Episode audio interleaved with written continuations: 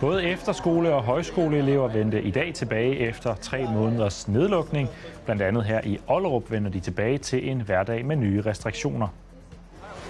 De unge fynboer har optaget mere gæld det seneste år end i resten af landet, og det skyldes især køb af dyre mobiltelefoner. Farvel og tak til Jakob Mikkelsen. Efter et 0-3-nederlag til Brøndby i går gik den ikke længere, og cheftræneren er blevet fyret med omgående virkning. Og vi synes, der har manglet noget kontinuitet i forhold til vores resultater. Øhm, så derfor så har vi truffet den beslutning. De historier vender vi tilbage til lige om lidt. Velkommen til 22 Fyn. Hjælpen er på vej til Tinderbox og de andre fynske festivaler. Der, i dag har, der er i dag indgået en politisk aftale om hjælp til netop festivaler og større arrangementer til sommer, som blandt andet indebærer kompensation, hvis forsamlingsforbud medfører en aflysning. Arrangementer med over 350 personer kan søge om at få dækket faste omkostninger og løn, og arrangementets størrelse afgør så, hvor stor en del man kan få dækket. Samtidig oprettes en nødpulje på 30 millioner kroner til velgørende festivaler, der er truet af konkurs. By- og Kulturudvalget i Odense har nu sat en stopper for Olav de Lindes byggeplaner i Ålykkeskoven. Socialdemokratiet har ombestemt sig og vil nu ikke længere være med til at bygge på det område, der er kendt som Cirkuspladsen. Og dermed ligner det en sejr til de naboer, der har protesteret mod byggeplaner netop her. Venstre-rådmand Christoffer Lilleholdt foreslog, at området kom med på det såkaldt grønne Danmarkskort, som er særligt beskyttede naturområder, og så endte det, da kommuneplanen i dag blev vedtaget.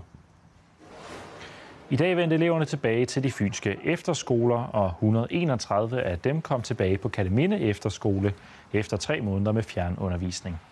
Og det er også tilbage til en anderledes hverdag, hvor eleverne er inddelt i grupper og skal holde to meters afstand til elever uden for gruppen. Desuden skal alle testes to gange om ugen, men på trods af det er eleverne glade for at være tilbage. Det er helt fantastisk. Det er rigtig, rigtig dejligt, at der er liv på skolen igen. Nu har jeg siddet her i, i tre måneder for mig selv sammen med nogle ganske få ansatte. Så det er det, efterskolen er til for. Det er simpelthen, at der er liv her. Det er rigtig dejligt. Det er helt surrealistisk, for nu har man siddet hjemme i tre måneder og ikke følt, man har været på efterskolen, og nu er det bare rart at komme tilbage og nyde det sidste tid, vi er tilbage. Ja, det er bare dejligt at være her igen og se alle folk sådan for real. Ja. Ja, det var ikke kun efterskolerne, der genåbnede i dag. Også højskolerne fik deres elever tilbage. Og i Ollerup kunne de også byde helt nye elever velkommen til et højskoleliv med masser af coronaregler. Jeg kan huske. Og du havde vist test? Perfekt. Det er godt vist. Nikolaj Kusk Nielsen er en af de i alt 240 elever, der i dag tjekkede ind på Gymnastikhøjskolen i Ollerup. Det er da en, øh, en glad følelse lige at gå her og komme tilbage. Sammen med 50 andre fortsætter han nu det ophold, som de startede på i september, men som blev bremset af tre måneders nedlukning. Hvad glæder du dig mest til? Helt klart nok at være fysisk igen. Det, det har jeg virkelig savnet. Han har indimellem været i tvivl om, hvorvidt han skulle vende tilbage. Det har været en, en, en tanke, der har været op og vende i mit hoved nogle gange.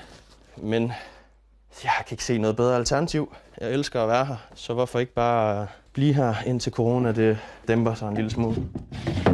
Fremover skal eleverne have to ugenlige coronatest. Afstandskravet er fordoblet til to meter, mens mundbindet og bogrupperne allerede galt sidste år. Hver gruppe har markeret en firkant, hvor de skal være indenfor, når vi holder samlinger. Der er en bestemt vej, man skal gå. Man må kun gå ud af den midterste, der er kun en af de sidedørene. Selvom man synes, det måske er en smule surt at skulle leve på den måde, så er det jo noget, jeg har prøvet før, og det er noget, jeg er vant til.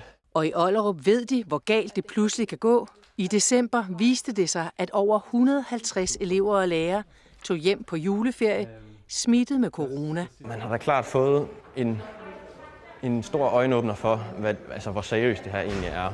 Jamen, øh, vi har nok lært det, at, øh, at vi skal tage symptomerne mere seriøst. Øh, og det betyder jo, at vi skal prøve at øh, få eleverne til at få de her retningslinjer mere ind under huden, så det giver mening for dem. Ved check-in er der nu blevet kø.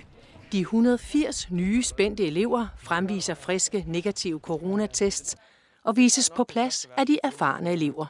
Jeg har ventet på det her i meget lang tid, og altid vidste, at det var det, jeg skulle.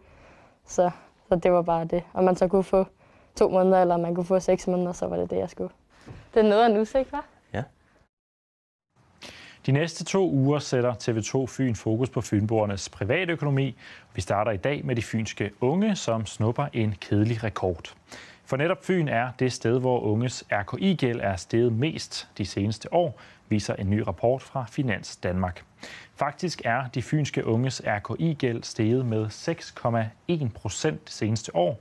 I København er stigningen på 3,2 procent, hvor den mange andre steder i landet endda er faldet. I alt skylder de unge på Fyn mere end 115 millioner kroner, og langt de fleste RKI-anmærkninger relaterer sig til køb af mobiltelefoner. Jeg ved ikke helt, hvad jeg skal gøre uden min telefon. Til at holde kontakt øh, med mine venner og familie. Øh, så, så jeg er jo i et eller andet omfang afhængig af min, øh, af min telefon. Når man ikke ved, hvor den er henne, så øh, går man lidt i panik. Hej August, det er Malte. De fleste af os er afhængige af vores telefoner. Jeg føler, at jeg bruger elektronik helt vildt meget i min hverdag. Altså sådan, så det er jo klart, at man ligesom har brug for det, der ligesom er bedst. Behovet for f.eks. den nyeste telefon er faktisk så stort, at der har været en stigning i de unges RKI-gæld på Fyn. Det, der, rigtig, det, der skaber mange af de her registreringer, det er teleudstyr, IT-udstyr, mange mobiltelefoner. Jeg har den her iPhone SE. Der er ingen af de her unge, som vi har snakket med, der er registreret i RKI eller har lånt penge til deres telefoner. Det er en iPhone 7. Men de kan godt se tendensen. Jeg kan ikke selv gøre det, men jeg kan da godt se behovet for... En undersøgelse viser, at behovet for at have den samme telefon som de andre spiller gevaldigt ind på de unge. At unge går jo op i at kunne matche det udstyr, som deres venner har. Det betyder meget. Man kan jo låne pengene til at købe den her mobiltelefon. Rente og gebyrfrit. Men det betyder som sagt ikke, at pengene ikke skal betales tilbage. Det er jo altså det, der så gør, at, at nogen så ender med at få lånt øh, penge til noget udstyr, som de måske ikke har råd til at betale, når det skal hænge sammen med, med de udgifter, de i øvrigt har. Og behovet for at have det samme som de andre, det kan de unge godt genkende. Da jeg gik i gymnasiet, øh, og jeg skulle have min første MacBook, der der synes min far jo, at jeg var fuldstændig sindssyg. Alle ens andre venner har, har den her vildt nye smart telefon, altså sådan, og så sidder man bare der med en eller anden gammel telefon, så kan jeg da godt se, at, at man har et behov for måske at gå ud og tage et lån. Og så tror jeg også, at, at generelt det her med, at, man, at der er så meget afbetaling inden for elektronik, altså at du køber noget, så afbetaler du i tre år. For mit eget vedkommende, jeg ved sgu ikke lige, hvor jeg er henne om tre år øh, og hvad man har penge til, og hvad man ikke har penge til. Men på sigt kan det have store konsekvenser for den enkelte med for stor gæld. I tjener jo penge på folks gæld, så er det ikke bare godt, at de unge de, øh, de har en masse gæld? Nej, det er det jo ikke jo, fordi de skal jo videre, mange af de her unge mennesker, de skal jo videre i livet på et tidspunkt, de skal ud og etablere sig, øh, så, så det kan jo blive et problem senere i livet. Cheftræner Jakob Mikkelsen er nu fortid i OB. Og fyringen den kommer efter det nu står klart, at OB ikke længere kan nå målsætningen om at ende i top 6. Allerede i vinterpausen meddelte OB, at Jakob Mikkelsen ikke ville få forlænget sin kontrakt, men et nederlag til Brøndby i går resulterede altså i en tidlig fyreseddel. I stedet overtager sportschef Michael Hemmingsen træneransvaret, indtil en ny cheftræner er fundet. Med det resultat, øh, vi desværre fik mod Brøndby i går, øh, så kan vi ikke længere øh, nå vores sportslige ambitioner om øh, top 6. Og det er det ubarmhjertige i en performancekultur, som sporten er, at øh, vi er nødt til at tage konsekvensen af det. Nu kan vi omvendt blive en del af et meget alvorligt nedrykningsspil, og der har vi vurderet, at det er nye kræfter og lidt mere erfarne kræfter, der skal til, og en lidt bredere stab rundt omkring spillerne i de næste to og en halv måneder, for at sikre, at vi ikke bliver en del af nedrykningen. Og det arbejde gik allerede i gang her til formiddag, og vi var med i Ådalen. Det er dagen derpå i Ådalen. Nederlaget sidder stadig i kroppen, og stemningen er trykket. Det er ikke rart at, at gå fra i dag. Vi har alle sammen en dårlig følelse efter i går også. Øh, og vi bærer også en stor skyld i forhold til, at Jakob er stoppet. OB-spillerne har sagt farvel til Jakob Mikkelsen og goddag til Michael Hemmingsen, der har overtaget styringen på sin første dag som cheftræner. Det handler jo om at få, få øh, spillerne til at, at, at præstere øh, endnu højere. Og så handler det også om, at at måske arbejde med at, at sætte tingene sammen på en anden måde.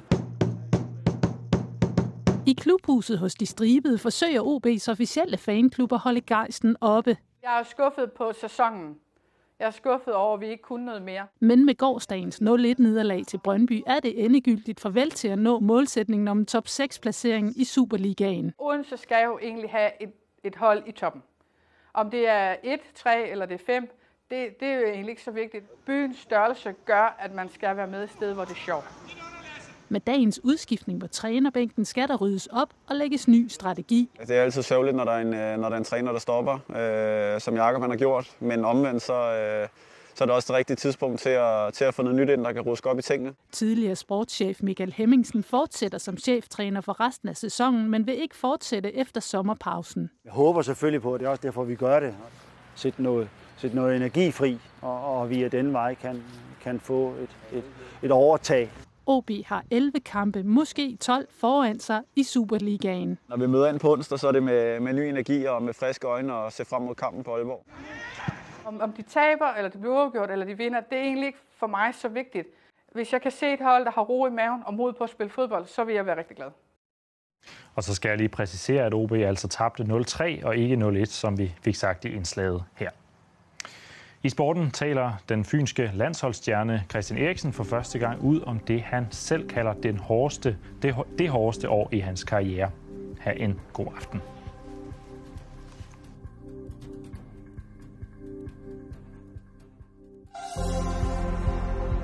Været på TV2 Fyn præsenteres af Mukio. Gardiner og markiser.